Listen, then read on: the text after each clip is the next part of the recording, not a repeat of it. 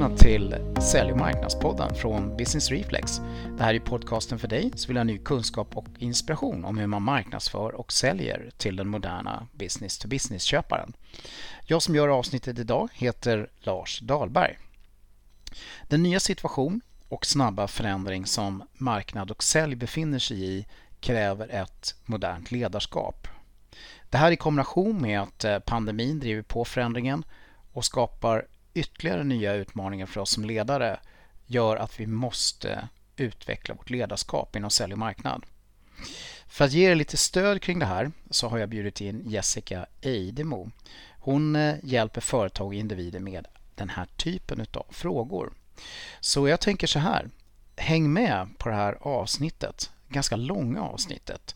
Men det finns väldigt mycket spännande visdom att få med sig kring hur ni ska utveckla ert ledarskap inom sälj och marknad. Så över till intervjun med eh, Jessica. Hej Jessica! Jag har bjudit in dig här idag för att prata om marknad och säljchefers utmaningar. Hur man ska hantera sitt ledarskap på distans. Men innan vi går in på det ämnet så tänkte jag att eh, du får berätta lite grann vem du är. Ja, men tack snälla. Eh, jätteroligt att vara här till att börja med. Jag tycker det är fantastiskt spännande att få hänga med dig i den här podden. Ja, du har ju gått och blivit radiopratare nu. ja, på gamla dagar, som du sa. ja, jag också. Ja. Jag har ju varit det ett tag i alla fall. Du har varit det. Det är en ära att få vara med en så rutinerad radio och poddpratare, med andra ord. Eh, ja, men vem är jag? Jag eh, jag brukar säga så här att jag, jag, jag, vem är jag? Det är en fråga som man kan prata om hur länge som helst. Så att jag hoppar över till vad gör jag? Eh, jag är en person som eh, brukar hjälpa individer och företag med mer eller mindre avancerat tanketrassel. Det betyder att jag till vardags coachar och håller workshops, faciliterar utbildningar och skapar utrymme för egentligen både personligt och organisatoriskt växande. Mm. Mm. Ja, jag tycker det är så härligt det här med tanketrassel. Eh, vi har ju jobbat tillsammans en del. Du har ju hjälpt oss lite grann med vårt eh, tanketrassel. Eh, och, vi ska väl se här nu då, då, hur vi lyckas få det här. Men jag lovar er kära lyssnare att ni kommer få stöd och råd och dåd när det gäller tanketrassel under den här podden. Inget snack om den saken. Så jag tänkte egentligen så här att vi drar igång nu med hela den här storyn. Tänker jag, ja. Jag håller med dig, Lars. Eh, och jag tänker så här. Innan vi börjar, kan inte du berätta lite grann för mig och alla som lyssnar. Hur har våra marknads och säljchefer det idag egentligen?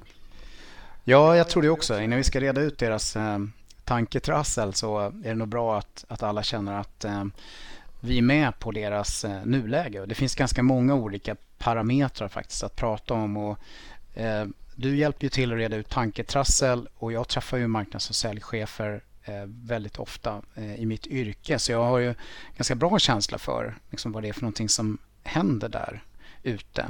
Och det är ju det att, att eh, de här marknads och säljcheferna skulle jag vilja påstå går igenom en mycket större liksom, digital transformation än vad kanske de själva är medvetna om eller kanske eh, vill kännas vid, skulle jag säga. Mm.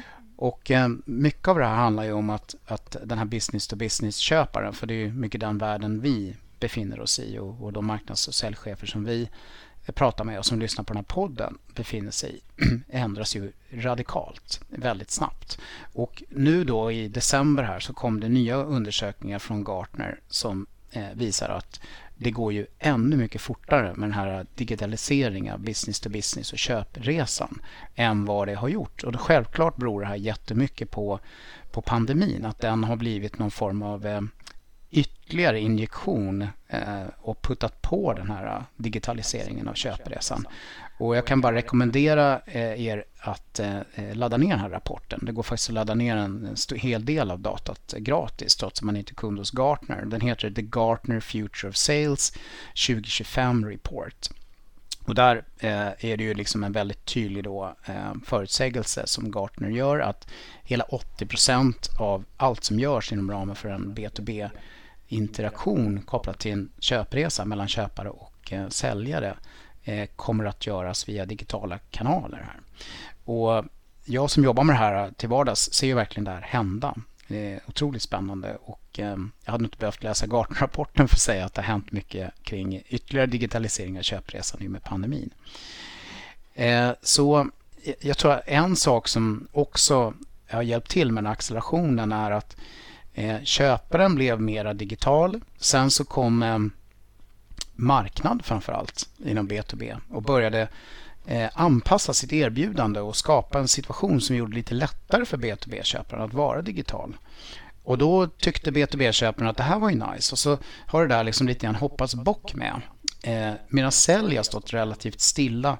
Sälj har kommit med mer och mer på senare år. Men just nu när det gäller pandemin är det framförallt sälj som har hoppat in i det här och insett att nu är det verkligen som, så, det här, så det är. Att eh, eh, köparen verkligen är digital på det sättet som gör att vi måste i, till stor del förändra vårt sätt att arbeta som säljare. Så det krävs en väldigt eh, liksom snabb förändring. Det har varit en snabb förändring som nu accelererar. Och ett begrepp som jag tycker att eh, man kan prata om då, eh, det är det här smarketing-begreppet. Eh, det vill säga att vi har sälj och marknad i samma båt. Och när man säger det då så det, handlar det inte om något hoppa bockande här, det vill säga att marknad eh, jobbar med varumärke och skapar leads och sen tar sälj över. Utan det handlar om att man jobbar tillsammans hela vägen eh, utifrån hela köpresans perspektiv. Så att så är det. Och parallellt med det här då så har ju då eh, de här cheferna nu då hamnat allt mer på distans. Eh, så frågan är ju liksom då hur får man liksom till det här nu då när det är en väldigt snabb transformation av det vi ska göra och man ska börja samarbeta med andra delar i organisationen, framförallt sälj, på ett helt annat sätt och så är man på distans. Så hur jobbar jag då liksom med teambuilding på distans? För det måste jag ju verkligen göra, bygga det här marketing-teamet. Eh, och hur jobbar jag med mitt eget liksom, personliga en-till-en ledarskap liksom, på distans med mina medarbetare för att stötta och coacha dem liksom, in i det här. Och eh, en sak då som är väldigt viktig tycker jag då, det är ju att man måste kunna hantera hela den här kreativa eh, grejen som är så otroligt viktig eh, för eh, oss som eh, befinner oss på sälj och marknadssidan. Att kunna ha liksom en väldigt eh, kreativ höjd och kunna ha sådana här kreativa möten. Så Ja, det är, det är verkligen en, eh, en spännande situation som de befinner sig i. Så det är tur vi är här idag, Jessica. Ja, du, det, det är ju utmanande, tänker jag, för alla chefer, det här som händer nu, att vara på distans och inte bara chefer, alla medarbetare, oss allihopa, att vi, vi jobbar på distans såklart. Och det är klart att de både, både roll och organisation samtidigt står mitt i stora förändringar så kan utmaningen kännas extra stor. Och då är det ju verkligen viktigt att kunna fokusera på sitt ledarskap. Ehm, jag funderar också, Lars, i den här världen som du beskriver så tydligt, vad är det för olika saker man måste kunna hantera? Ja, ehm, jag touchade lite på det här, men, men det här med att bygga ett team och att tänka digitalt först. Eh, eh, mobile first, digital first. Det, och eh, få den liksom mentala inställningen eh, och att, eh, att det verkligen är sälj och marknad tillsammans skulle jag säga är ju eh, konkret det som måste liksom hanteras och så, så man måste liksom landa. Eh, och Det innebär då att ska man lyckas med det så måste man ju förstå den digitala köpresan. Och den är ju då väldigt ny eller under väldigt stor förändring. Så det är en jätteutmaning att, att förstå den digitala köpresan som som vi då måste tillsammans eh, i vår marketingorganisation kunna ta hand om. Och Det är klart att man alltid på säljmarknaden har brytt sig om det där till, på, ett, på ett visst sätt. Eh, men, eh, men nu är det ju liksom någonting annat och eh, eh det är så att man måste hitta sätt för att kunna skapa sig den här förståelsen. Och eh, Det finns ju många viktiga sätt, eh, men ett väldigt viktigt sätt är att börja jobba mycket mer datadrivet. Man måste kunna liksom mäta. För att kunna mäta måste man ha struktur och man måste framförallt då våga lita på data och våga ta beslut baserat på data och inte liksom magkänsla som det ju väldigt mycket har handlat om när det gäller marknad och sälj generellt sett. Och Det är ju det är ett stort liksom paradigmskifte för alla att börja bli mer datadrivna men på marknad och sälj tror jag det är ännu större än vad det kanske är för många andra. Att kunna ta det där steget. Och sen har man då den här, skulle jag säga, den här ehm, det vi kallar för agilt arbete. Det vill säga att vara i ständig förändring eller ständig förbättring hela tiden. Inte ha några långa eh, projektplaner utan att jobba med en agil arbetsmetod. Och det finns ju många delar av organisationerna som har blivit agila och tänker agilt. Men där är ju typ sälj och marknadsorganisationen kanske sist på bollen nästan. Eller bland de sista på bollen att tänka agilt. Eh, och hela tiden våga förändra sig och inte ha så långa planer. Eh, och sen är det ju mycket då kompetens och ehm, det gäller ju då att eh, se till att utveckla sin kompetens ganska snabbt. Och för marknaden handlar det mycket om teknik, lära sig nya tekniska grejer. Det handlar jättemycket om att bli mycket mer logisk eh, och jobba mer med logik och så logiska resonemang och ehm, olika typer av plattformar och sånt där som inte marknaden har behövt bry sig om. Men på sälj så tycker jag då, då, då handlar det framförallt om att inte prata om sig själv utan verkligen våga tänka utifrån och in våga lita på att bygga digitala relationer, vilket är jättesvårt för sälj. Eh, våga verkligen optimera det här digitala mötet och bli bra på det och inte ta för lätt på det. För det ska ju liksom mycket då ersätta det fysiska, kanske ett till ett mötet eller ett till åtminstone flera mötet. Och sen att sälj måste lära sig att skapa digitalt innehåll med kvalitet. Så att, eh, mm, det ska jag säga, ganska mm. konkret vad det egentligen handlar om. Mm. Och hur tycker du att det här skiljer sig mot hur det var förr inom B2B? Då? Ja, eh, jag skulle säga så här att eh, det är Anders som har hittat på det här, min kära poddkollega. Eh, vi kallar det för skinkmackan, där ju båda parter måste vara inblandade liksom, oavsett var köparen bestim, befinner sig i en köpresa någonstans. Så vi måste liksom, vi har köparen i mitten, köparen, köpresan är skinkan och osten och så är, är sälj och marknad liksom, överdelen och underdelen på mackan. Vi måste liksom eh, tillsammans ta hand om det. det. Det skulle jag säga, det är liksom ändå den, en, en jättestor skillnad. Och Sen skulle jag säga att en annan skillnad är att vi på sälj och marknad måste börja tänka liksom i form av digital transformation. Att eh, vi behöver ta strukturerade steg för att hela tiden eh, transformera vårt arbetssätt och att automatisera vårt arbetssätt eh, för att eh, det här ska bli bra. Och, eh, och inte skynda liksom för fort utan bygga det liksom stabilt i, i steg och utveckla det mot någon form av tydlig vision och mål där vi blir väldigt effektiva på att ta hand om den här digitala köpresan så att det blir effektivt för både köparen och oss själva. Så, och det är inte, det är inte sälj och marknad så bra på, skulle jag säga, generellt sett, att tänka så. Eh, andra organisationsdelar är mycket bättre på att tänka så. Mm. Så att eh, där är vi skulle jag säga. Men jag funderar nästan Jessica lite på att bolla över bollen till dig nu.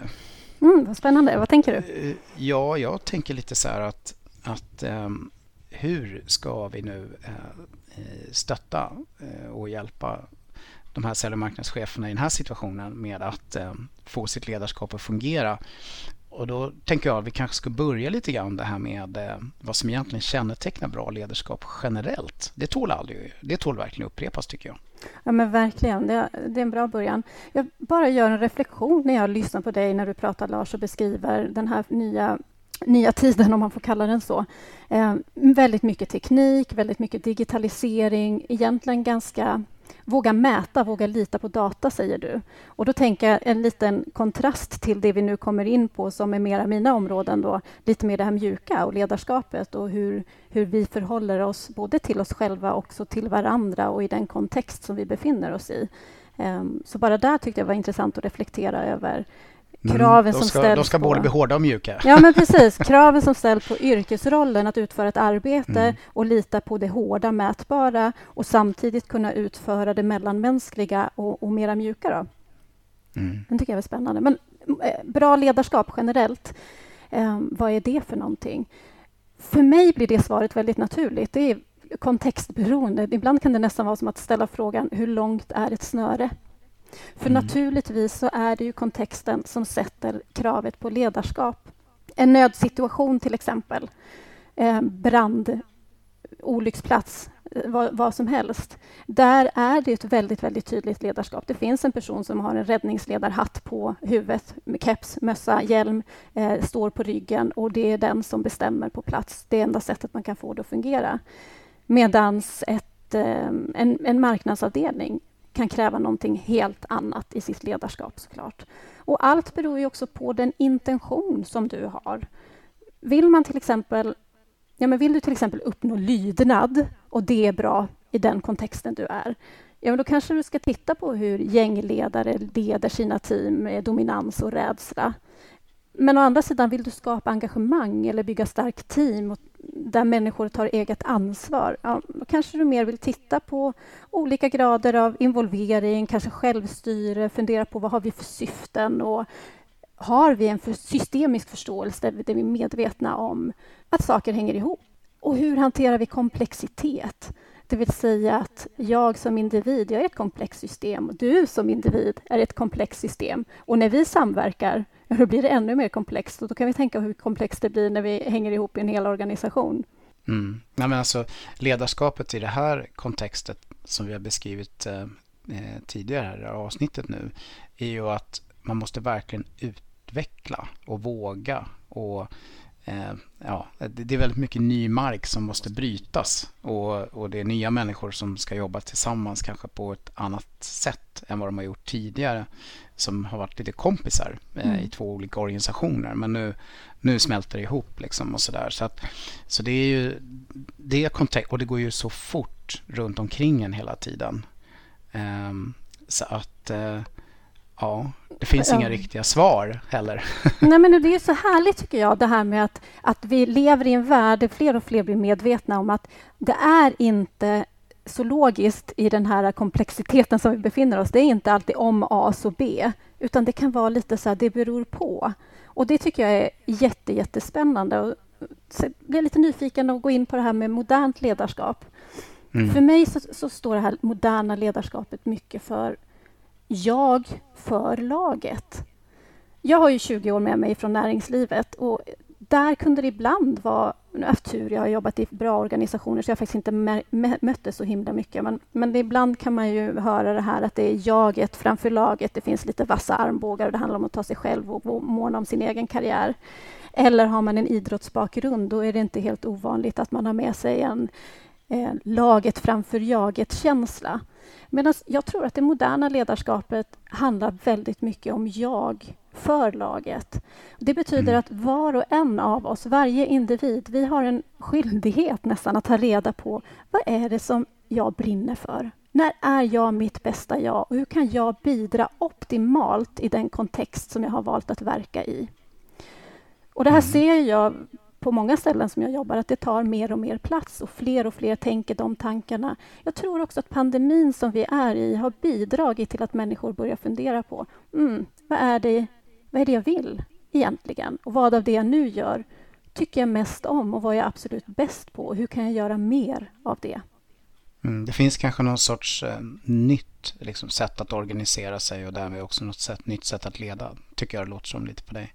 Ja, jag tänker att, att ni är ju en bra organisation som exemplifierar hur ni nosar på andra sätt att organisera sig, hur ni vill ta beslut och hur ni vill involvera varandra. Att eh, inte ha den traditionella makthierarkiska strukturen utan att fördela ut den på alla i bolaget och ha en hög grad av självbestämmande. Och jag tror att, att det är ett ledarskap och organisationsformer som kommer... Vi kommer se mer och mer av dem. För man pratar ibland om det här med VUCA. Uh, volatility, um, uncertainty, complexity and, och ambiguity. Alltså på svenska instabilitet eller ombytlighet, osäkerhet, komplexitet och tvetydlighet. Att det är det nya svarta.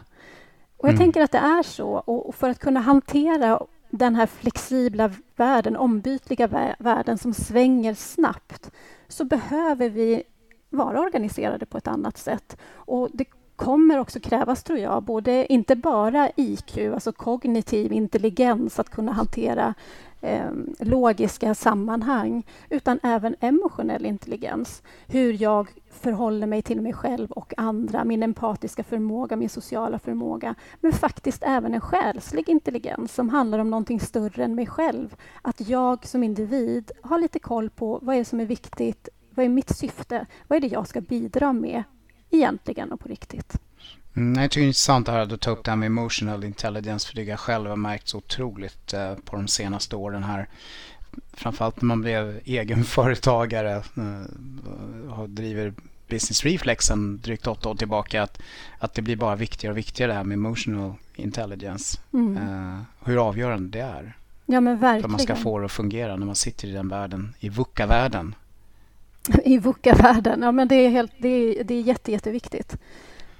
Och, och det, är en, det är en komplex parameter, emotionell intelligens. Det, det, finns så, det finns så många dimensioner i det. En viktig del som jag stöter mycket på när jag jobbar med individer är att det som har med känslomedvetenhet att göra. Jag upplever att vi är många som är ovana på att veta vad jag egentligen känner på min insida. Och om vi är ovana vid att veta vad jag egentligen känner, då är vi också väldigt otränade på att uttrycka det, alltså känslouttryck. Det är två dimensioner på det här med emotionell intelligens som, som är värda att utforska och som eh, lägga lite tid på. För om jag inte har riktigt koll på vad som pågår på min insida, då kan jag inte riktigt ta fullt ansvar för den jag är och mina behov och då kan jag heller inte kommunicera med min omgivning på ett sätt som både respekterar mina men också andras gränser. Så den är väldigt central. Om du skulle ge de som lyssnar några så ord att hålla sig i, Jessica, som är jätteviktiga att man tänker på i sitt ledarskap. Vad skulle du säga då? Oh, bra fråga. Ehm, jag tror att en viktig grund och ett jätteviktigt ord är kommunikation. Mm. Kommunikation, inte bara till andra utan även... Det finns en kommunikation som pågår i mig själv. Inom mig. Till mig själv, från mig själv, om mig själv. Det är en kommunikation. Men också min kommunikation med andra människor, med dig och den kommunikation som sker i teamet. Så kommunikation är absolut ett sånt ord. Ett annat ord som kommer till mig och som jag tror starkt på, det är tillit. Mm. Det tror jag mer och mer också. Ja, och, mm. och tillit. Amy Edmondsons äh, psykologisk trygghet har väl inte gått någon förbi idag, tror jag men det ligger så mycket i det, att våga vara sårbar, att kunna vara den jag är i den kontext jag befinner mig i utan att jag känner mig utelämnad eller hotad. Får man till mm. den till, tilliten tillsammans i teamet, ja men då kan man lösa vad som helst, skulle jag vilja säga. Mm. Eh, och då tänker jag ett, ett ord som följer på det är transparens. Och det är att kunna vara transparent med det som pågår i organisationen, dit man är på väg med kunder, Eh, och tillsammans blir nog det sista ordet då. Mm. Mm. Ja, exakt. Och då tänker jag lite grann så här att där har vi det. Det här moderna ledarskapet i VUCA-världen, tänker jag. Men, men vad är det som är annorlunda nu då när vi är på, på distans? Vad tror du om det, Jessica? Vad, vad säger vi om det? Mm, jag tror Eh, jag tror att det som är tydligast, det skillnaden kanske då när vi är på distans, det är att eventuellt skav som finns, det blir synligare. Det här kittet som alltid finns mellan oss när vi ses regelbundet, det är som att det mm. blir lite mer genomträngligt. Det är som att hade vi inte alla delarna på plats innan pandemin så märks det nu. Mm. Det är väl egentligen bra eh, att det märks för då kan man ju jobba på de bitarna och så kan man komma på en bättre plattform i, i, på ett annat ställe. Det kanske inte är så lätt att göra. Det, det, det, är ju bra. Jag tror att när vi ses hela tiden, vi är på, vid kaffemaskinen, vi sitter och jobbar tillsammans, då känner vi som jobbar, vi gillar ju varandra, vi hänger i det här, då har man lite mera eh, överseende eller större krockkudde kring eventuellt skav. Men när vi, inte, när vi är på distans, när vi inte har den här fysiska kontakten, regelbundenheten, att vi faktiskt kan möta varandra på riktigt. Vi har inte kroppsspråket, vi har inte blickarna, vi har inte leendena på samma sätt, för de försvinner lite bakom skärmen. Så försvinner lite av kittet och då blir skav synligare. Så det tror jag är den största skillnaden. Mm. Ja, men det tror jag är väldigt viktigt att, eh, att man som ledare tänker på. Att det faktiskt är så där. Tycker mm. jag har fått uppleva själv också att, att eh, eh, det blir liksom på ett annat sätt när den där krockkudden inte finns ja. där. Att, eh, Ja, men vi sitter bakom en skärm och vi tittar på varandra på en platt skärm. Och är vi två personer, ja, det går ju väldigt, väldigt bra. Det är nästan som att vi kan ha ett samtal face to face. Men så fort vi blir några stycken, då får vi inte samma ögonkontakt med varandra. Vi kan inte fysiskt röra vid varandra. Vi kan inte bara lägga en hand på någon i ett sammanhang. Och det påverkar såklart vår mellanmänskliga interaktion. Och när vi är på skärm så, så tänker jag att vi behöver kanske tänka på att vara ännu tydligare med våra gester och med vår mimik. Mm. För det är inte helt lätt. Och den som sitter och kanske håller i ett möte väljer att titta in i kameran för att de som lyssnar ska få känslan av att hen faktiskt har ögonkontakt med mig som lyssnar. Men det gör ju att, att hen som pratar har inte en chans att se vad som pågår eh, i ansiktsmimik eller kroppshållning på de som faktiskt lyssnar. Och sen så finns det ju de organisationer som faktiskt inte ens har videon på i sina möten. Mm. Ja, det har man ju också känt tydligare hur mycket viktigare det har blivit med, här med videon allt eftersom distansarbetet har pågått. Liksom. Det, vad säger vi då? Vad ska man göra då om man ska vara någon sorts eh, ledare och role model här? Mm. Jag tänker... Um Ja, men man är, jag, jag, tycker verkligen att du som ledare är en role model. Om vi går tillbaka till de här, några av de här orden som vi pratade om förut. Det här med tillit, till exempel, psykologisk trygghet. Där är du som ledare en jätteviktig förebild i hur du har det med din egen sårbarhet och din mänsklighet. Vågar du visa och prata om utmaningar som du tycker är tuffa? Vågar du släppa in medarbetare och säga jag vet inte hur det här ska lösas men jag tror vi kan lösa det tillsammans. Vad tror ni?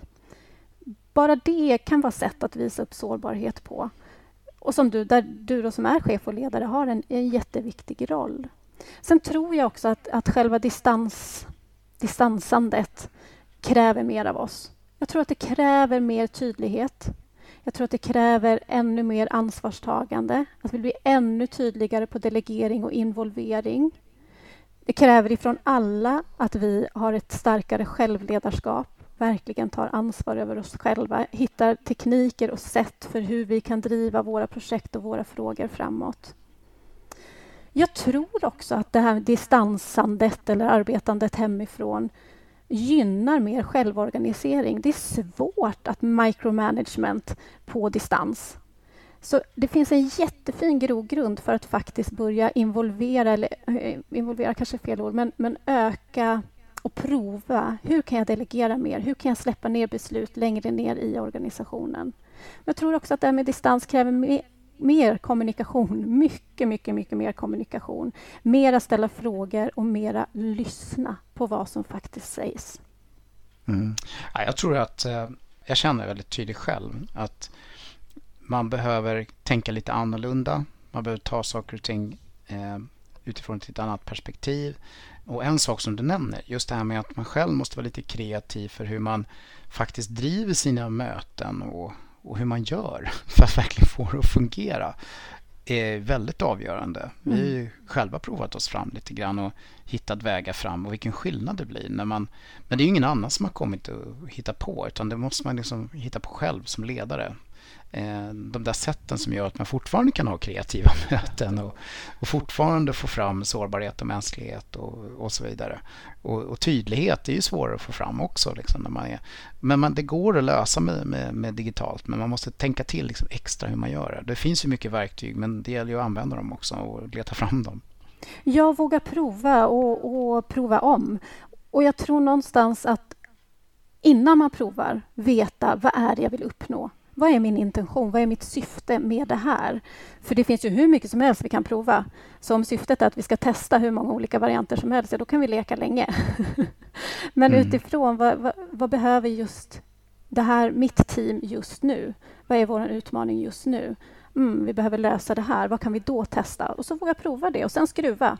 För inget är satt i sten idag, skulle jag våga påstå. Vi, vi testar, vi provar, något är bra under en period och sen kanske vi behöver justera igen och byta till någonting annat. Inte för bytandets skull, utan för att vi ska uppnå vår intention, vår riktning, vårt mål, det vi faktiskt ville. Ja, intressant. Men, men jag ser en annan grej jag funderat lite grann över. Jag tror att hela den här situationen har ju skakat om oss mm. allihop.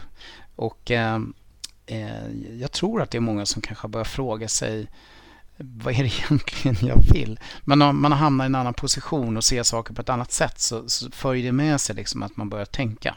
Och kanske tänka annorlunda än hur man gjort tidigare. Mm. Vad tror du om det då? Mm. Utifrån ledarrollen och ledar, ledarens perspektiv kring det här. Jag tror att det är någonting som eh, händer. Jag tror att det är vanligt. Jag tror att du som är chef och ledare behöver vara medveten om att det här händer dina medarbetare precis som det händer dig själv och händer väldigt många av oss i den här pandemin. Och jag tänker att man ska prata om det. Det här är en jättefin möjlighet att ta reda på vad har vi egentligen för kvaliteter, för drömmar, för kompetenser i vårt team? Vad är det de här människorna som jobbar i det här teamet brinner för egentligen, om man får uttrycka det? Så jag, jag tänker att det finns en jättefin möjlighet att ta reda på kvaliteter som man faktiskt kanske inte har tänkt på innan och dela med sig av det.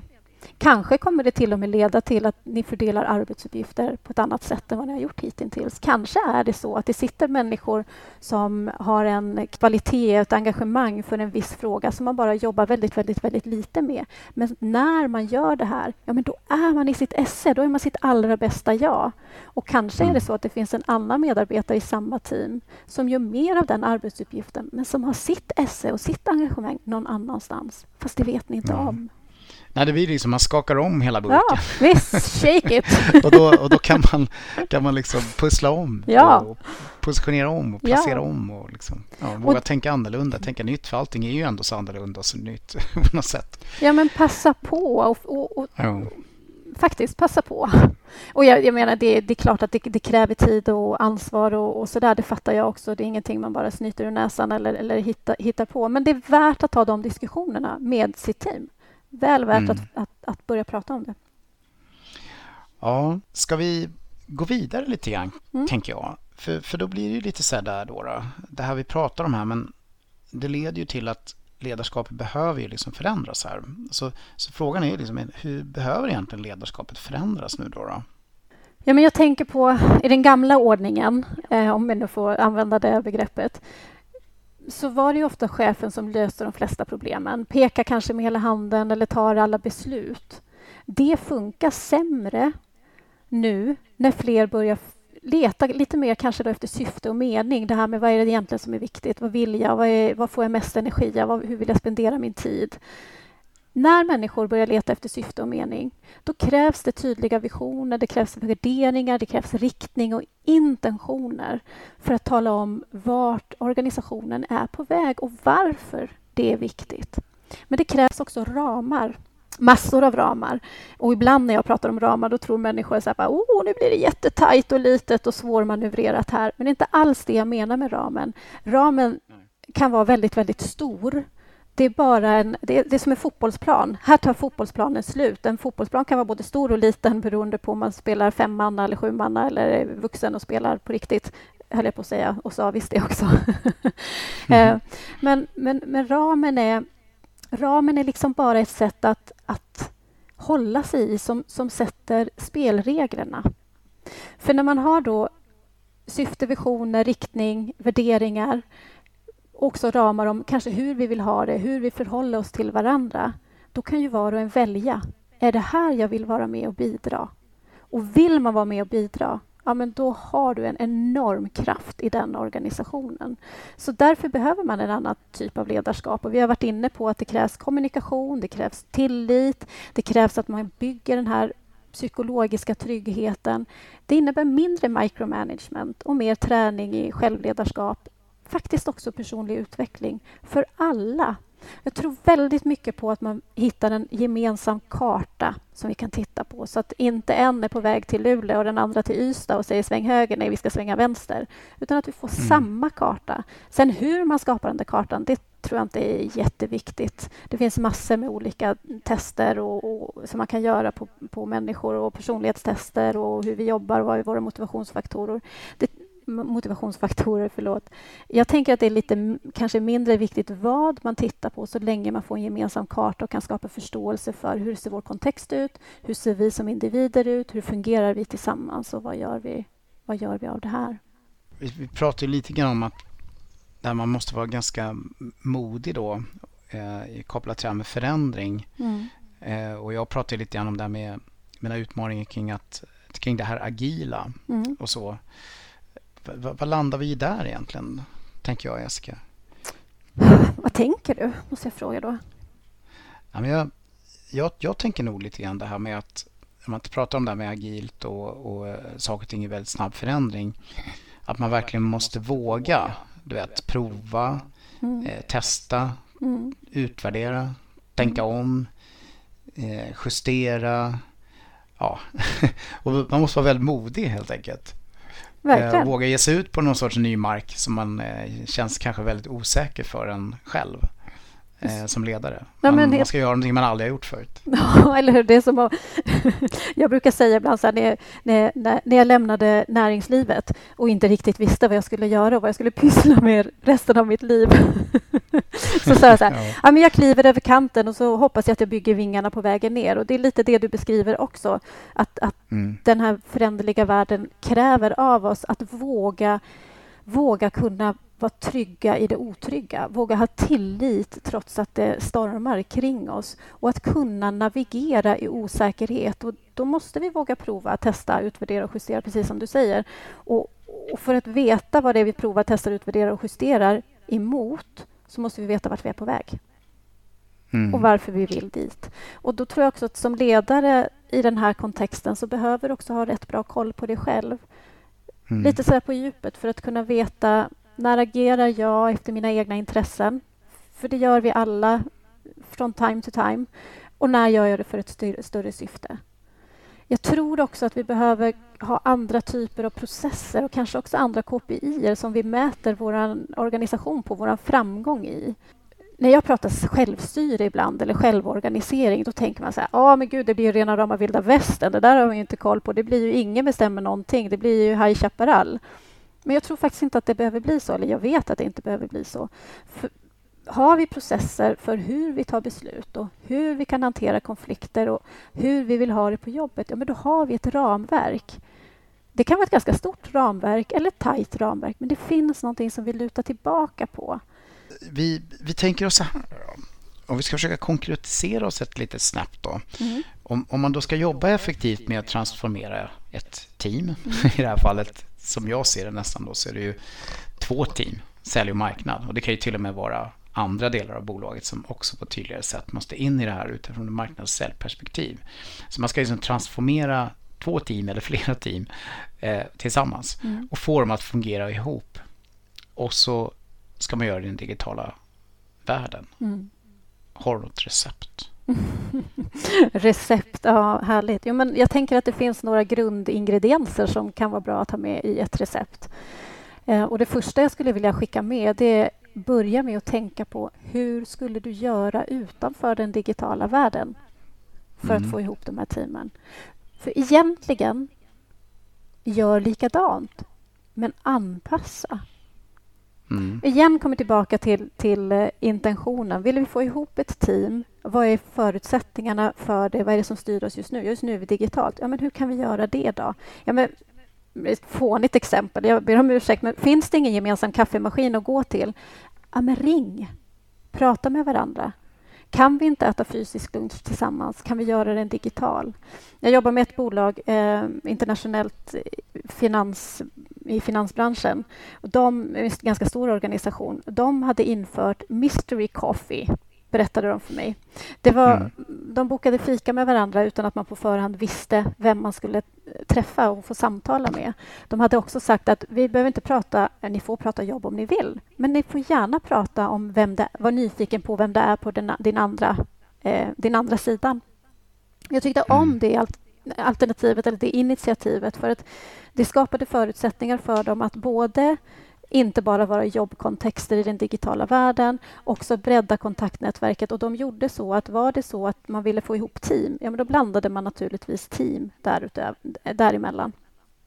Så det finns sådana enkla saker som man skulle kunna göra för att bara Ja, för tänker man på det så är, ja, för mm. tänker man på det så är det ju jättemycket så att det blir väldigt många fler möten som är väldigt mycket mera uppstyrda, vilket är jättebra, jättepositivt på många sätt utifrån möteseffektivitet och andra perspektiv. Men mycket av det här du pratar om med, med, med de här hemliga kaffemötena och så vidare, det är, eller skapa situationer som liknar verkliga för att man ska få den här mänskliga interaktionen att gå eh, blir det helt plötsligt kanske superviktiga mm. eftersom det inte finns några sådana möten kvar nästan. Ja, för egentligen så tänker jag att det är inte det här att vi är på distans kanske som är den stora utmaningen i ledarskapet idag. Jag tror mer att det handlar om vad har det gjort med oss att vi är på distans? Det här med att vi tänker nya tankar, vi börjar ifrågasätta gamla sätt att göra saker på, att skaven kommer upp till ytan. Det är mer de sakerna som gör att vi behöver titta på ledarskapet än att vi faktiskt jobbar på distans. Jag är helt övertygad om att du kan skapa effektiva, välmående, eh, självorganiserande team med, med hållbara människor som jobbar hemifrån eller var man nu sitter, men på distans.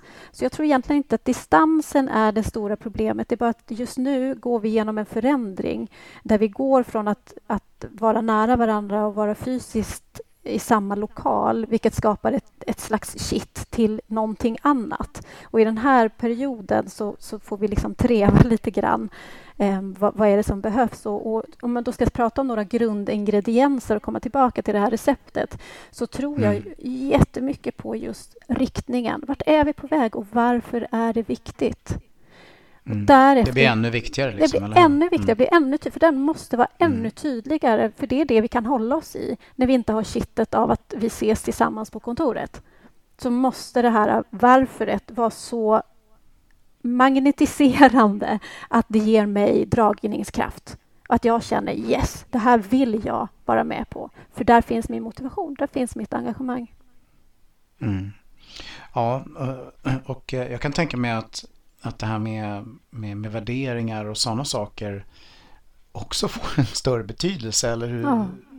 Ja, verkligen. Men jag håller helt med dig. För det är nästa del av det, att då veta hur vill vi ha det på resan?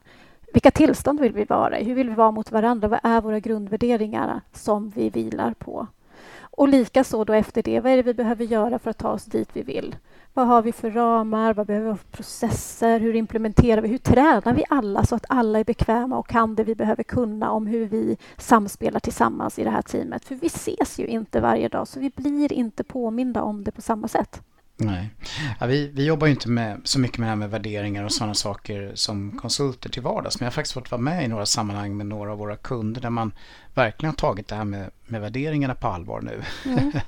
Eh, och, eh, och, och, verkligen gör, lagt manken till för att skapa värderingar som man också beskriver utifrån eh, så som man gör och så som man liksom beter sig. Eh, med utifrån liksom, verb. Och det tror jag har funkat jättebra för dem. Så man kan liksom rabbla det själv lite lättare än bara såna här lösa ord liksom, som sitter på en tavla.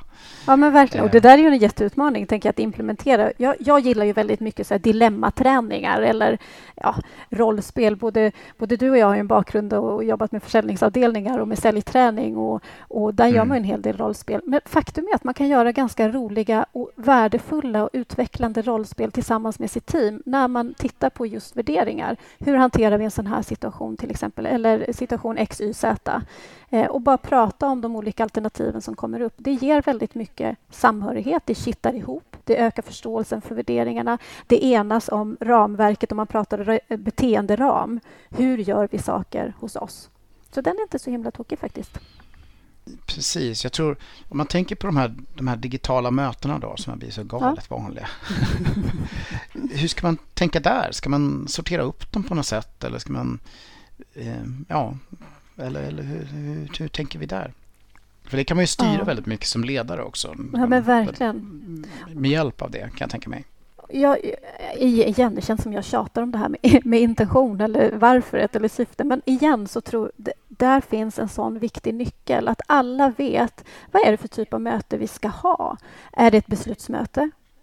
Är det ett informationsmöte? Ska vi diskutera något? Är det ett kreativt möte? Så det här ställer ju höga krav då, eh, inte nödvändigtvis på chef och ledaren utan den som ändå kallar till ett möte. Vad är det, för, vad är det jag vill uppnå med det här mötet? Jag brukar prata om använd slutet i sikte planeringen och den är än tydligare i det här digitala. Så att vad du än ger dig in i att veta vad är det jag vill uppnå, varför vill jag det? Så jag, blev, jag minns när jag satt i ledningsgrupp och blev kallad till ett möte där vi eh, jag uppfattade kallelsen som att vi skulle diskutera en organisationsförändring. Och jag kommer till det här mötet taggad som tusan och tycker att det är jättespännande och det ligger rätt i tid och vi behöver göra det här. Men få presenterat ett färdigt förslag och mm. insåg att det var inte ett diskussionsmöte, det var ett informationsmöte och så skulle vi prata om hur vi kunde implementera. Mm. Uh, Nej, men just det här med att man, man kan, som ledare verkligen kan tänka på att eh, det finns olika typer av möten. För i den digitala världen så måste man förbereda en helt annan setting kanske för mötet beroende på om det är, som du säger, beslut, information, diskussioner, kreativitet. Mm. Det, det, för att det ska bli ett beslutsmöte måste man ha förberett det på ett visst sätt digitalt. Det måste man göra i den fysiska världen också, men det är ännu viktigare liksom för att mötet ska få rätt in, eh, rätt, komma ut med rätt resultat.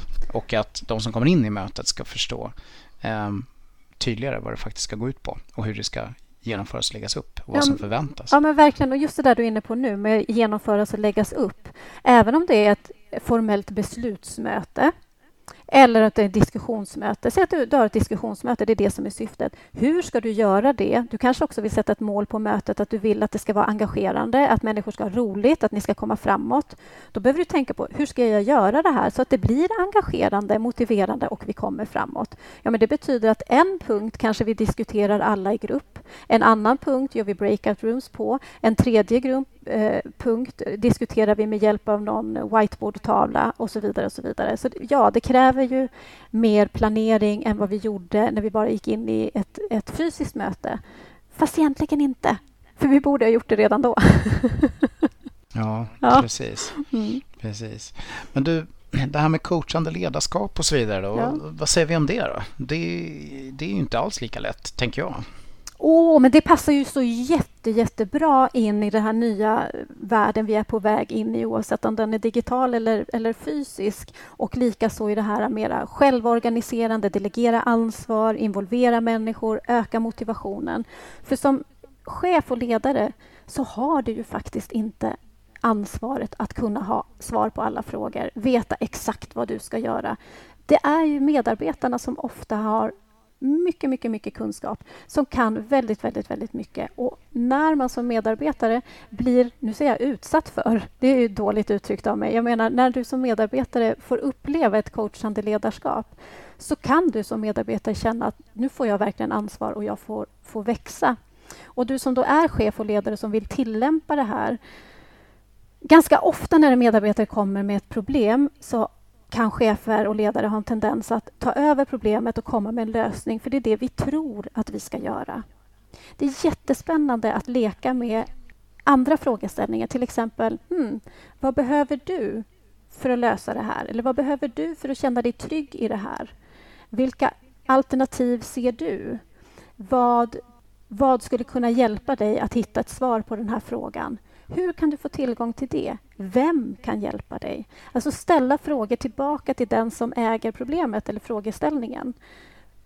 Och inte mm. förrän på slutet ställa frågan, hur kan jag hjälpa dig? För det är mm. inte per default så att du som är chef och ledare behöver ta över frågan och lösa den. Men du kan med ett coachande ledarskap få din medarbetare att växa och att hitta svaren på de här frågorna någon annanstans. Kanske finns en kollega, kanske finns en mentor, kanske finns information, kanske finns en konkurrent, kanske finns hos kunden.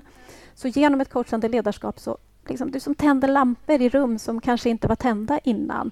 Människor växer, människor tar mer ansvar, du får till självorganisering, du får till fler som själva sitter bakom ratten och styr sin bil. Mm. Ja, ja, det är intressant att höra dig prata om det här. Nu blir det också här jättemycket viktigare. Och eh, du pratade om ordet tillit tidigare och det är mm. klart att nu när du pratar om coachande ledarskap på det här sättet så känner jag att det, det leder ju verkligen till att det skapas tillit om man gör det bra. Jag tror att däremot som chef kanske man känner att det här coachande ledarskapet blir mer, återigen då, mer utmanande för att det är svårare att coacha någon när man liksom inte är på samma plats och har den där fysiska dimensionen. Det blir mm. svårare att vara en bra coach helt enkelt. Mm. När, men det blir ännu viktigare. Det så. blir ännu viktigare och, och då tänker jag, det kan ju vara så att man upplever att det är svårt. Och då skulle jag faktiskt rekommendera använd telefonen istället för videoskärm. Om mm. du coachar en till en. För när du bara har telefonen då är det inget som stör i skärmen. De ska titta in i kameran, ska titta på ansiktsuttrycken. Vad händer? Utan din fulla uppmärksamhet går till ditt hörselsinne. Och du skärper din sinnesnärvaro väldigt mycket. Så är det lite utmanande och svårt med det coachande förhållningssättet, prova telefonen. För din närvaro tenderar att öka. Det är min reflektion och väldigt många chefer som jag jobbar med också säger det. Det är mm. lättare one-to-one -one med telefon i de lägena. Mm. Men äh, en sak som jag tycker vi har snurrat lite grann runt som jag själv kan uppleva också det är att man känner sig liksom lite så här, naken på något sätt men man saknar förståelse mm. tycker jag. Det, det, blir någon sorts dimension som försvinner. Så man, man, förstår sämre om hur människor mår, man förstår sämre hur saker och ting faktiskt fungerar teammedlemmarna emellan.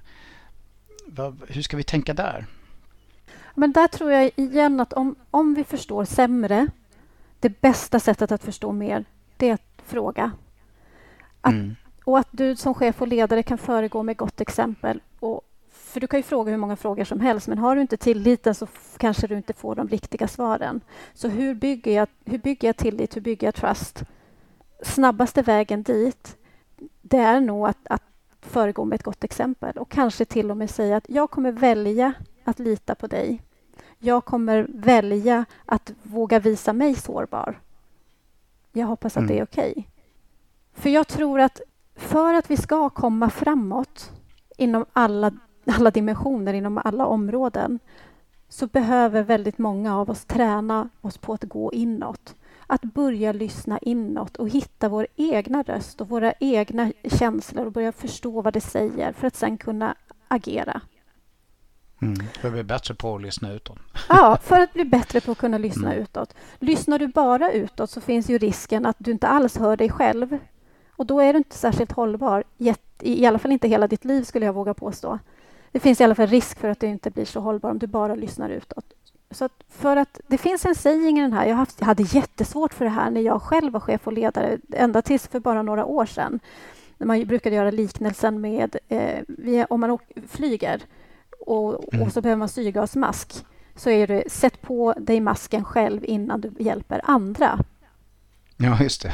Men det är lite samma grej här. Att, att om jag inte kan lyssna på mig då kommer jag inte kunna kanske sätta de gränser jag behöver. Jag kommer kanske inte heller kunna hjälpa andra att sätta de gränser de behöver.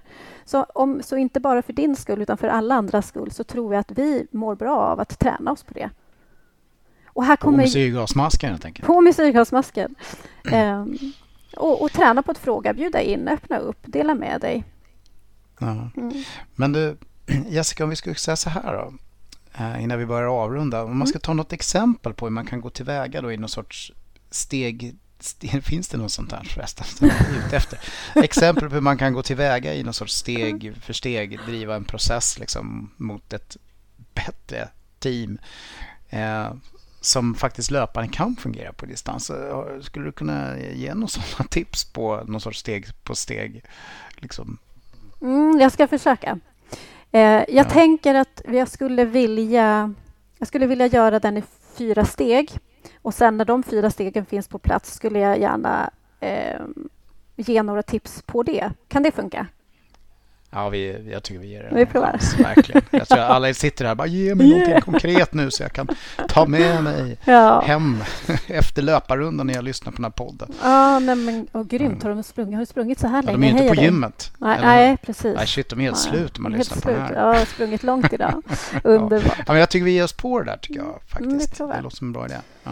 Eh, Men jag börjar, det blir också en liten sammanfattning av det vi har sagt. Nummer det bra, ett jag. i den här processen då, eller hur man kan göra, det är faktiskt att börja med slutet i sikte. Vart vill ni? Och varför är det viktigt? Och då tänker jag inte bara traditionella målsättningar som fler kunder, ökad försäljning, effektivitet, produktivitet, utan faktiskt vad ni vill uppnå i ett större syfte än så. Så nummer ett, börja med slutet i sikte. Mm. Två, ta reda på hur ni vill ha det på vägen. I form av tillstånd, hur ni vill må och känna.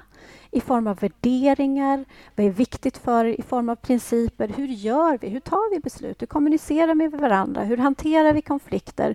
Hur lyfter vi om någonting är fel? Och så vidare. och så vidare. Tre, identifiera vad ni då behöver för ramar för att ni ska kunna ta er dit ni vill.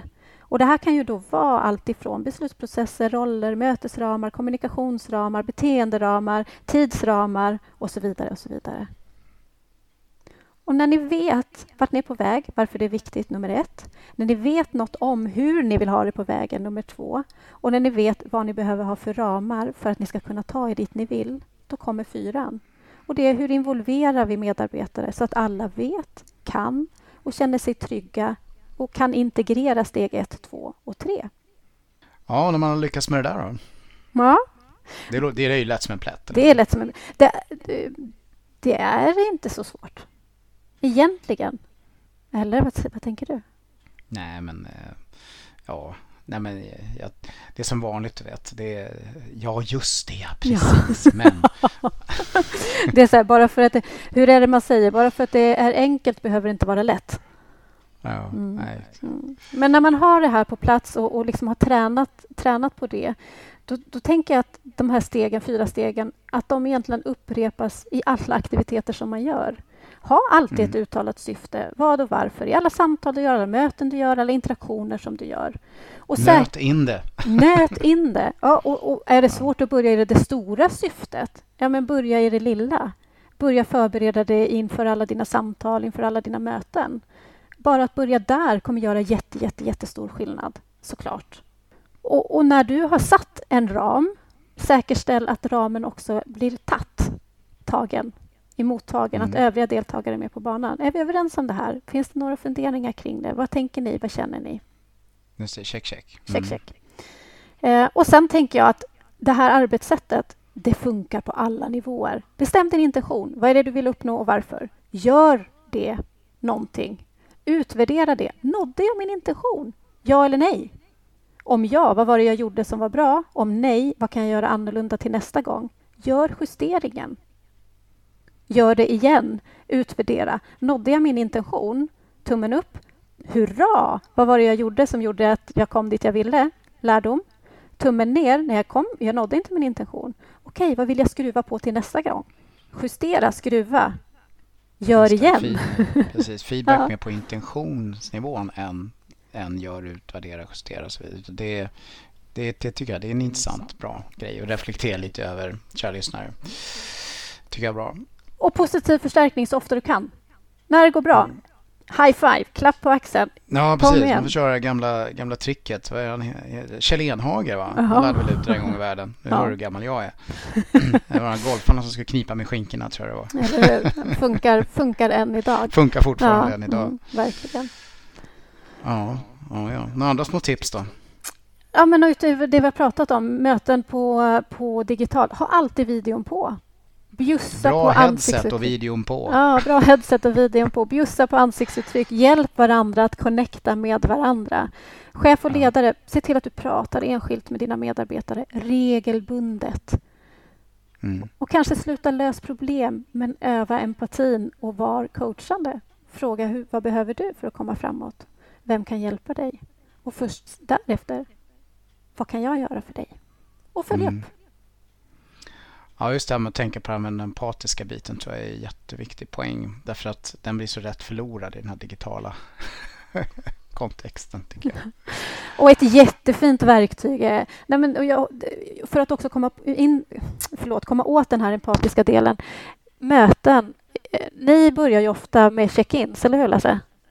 Ja, vi har ju det. Eh, det, det låter intressant eh, nu för alla lyssnare. Nu kommer de undra vad vi är för typer av. Men man, vi checkar in typiskt som ett väder. Eh, så man kan checka in som en solig sommardag eller ett åskväder. Bara för att just att den här empatiska grejen ska komma fram mycket mer. Istället för att man bara talar om hur man mår. Den funkar bra tycker jag faktiskt. Och vi checkar inte bara in som väder utan det är allt möjligt checkar vi in som, som har en, kan ha en tydlig empatisk koppling till hur man mår. Du, den, det den är tänk... kul också faktiskt när man gör det. Ja, och jag tänker att du skulle kunna skriva ett helt inlägg om bara tips på check-in-frågor eller check-in-uppmaningar. För ni har ju testat rätt mycket. Ja, exakt. Jag har ju några hundra tror jag som vi skulle... Mm. Fast man har glömt bort många av dem. Men det finns ju favoriter. Disney-figurer. Nej, men äh, glassorter. Mm. Mm, ja. Den var bra. Jaha, men vad ska vi skicka då? Nu har vi fått en bra sammanfattning Jessica, men, men har du något annat spännande lite grann som, som de måste tänka på nu, de här ledarna? Om de ska få ihop hela den här uh, transformationsutmaningen och smarketinget och, och allt det här nya. Mm. Ja, eh, ja men jag, vi kör några till då. Är du med? Ja, kör på. Jag tror att tror de, de får vara beredda här att anteckna. Alltså, annars får vi skicka ut långa checklistor. Ja, I men det, det första jag vill säga i det är ju faktiskt kom ihåg att det beror på. Det finns sällan ett enda rätt svar, utan det beror på. Det är en sak. Det är en annan sak som jag vill skicka med. Det är båda parter i en relation har ju 100% ansvar över relationen oavsett vad man har för relation sinsemellan, om det är medarbetare-medarbetare eller medarbetare eller chef. Det går liksom inte att tänka att ja, men min chef har 65 procent ansvar över relationen till mig och jag har resterande.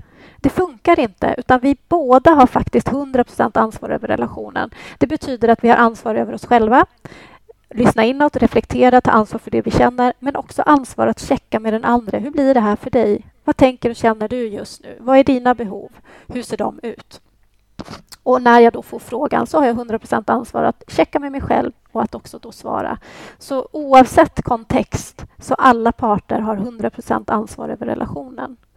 Och då har jag också sagt en sak i det där som är en jätteviktig nyckel och det är att för att komma framåt börja med att gå inåt och lär dig lyssna.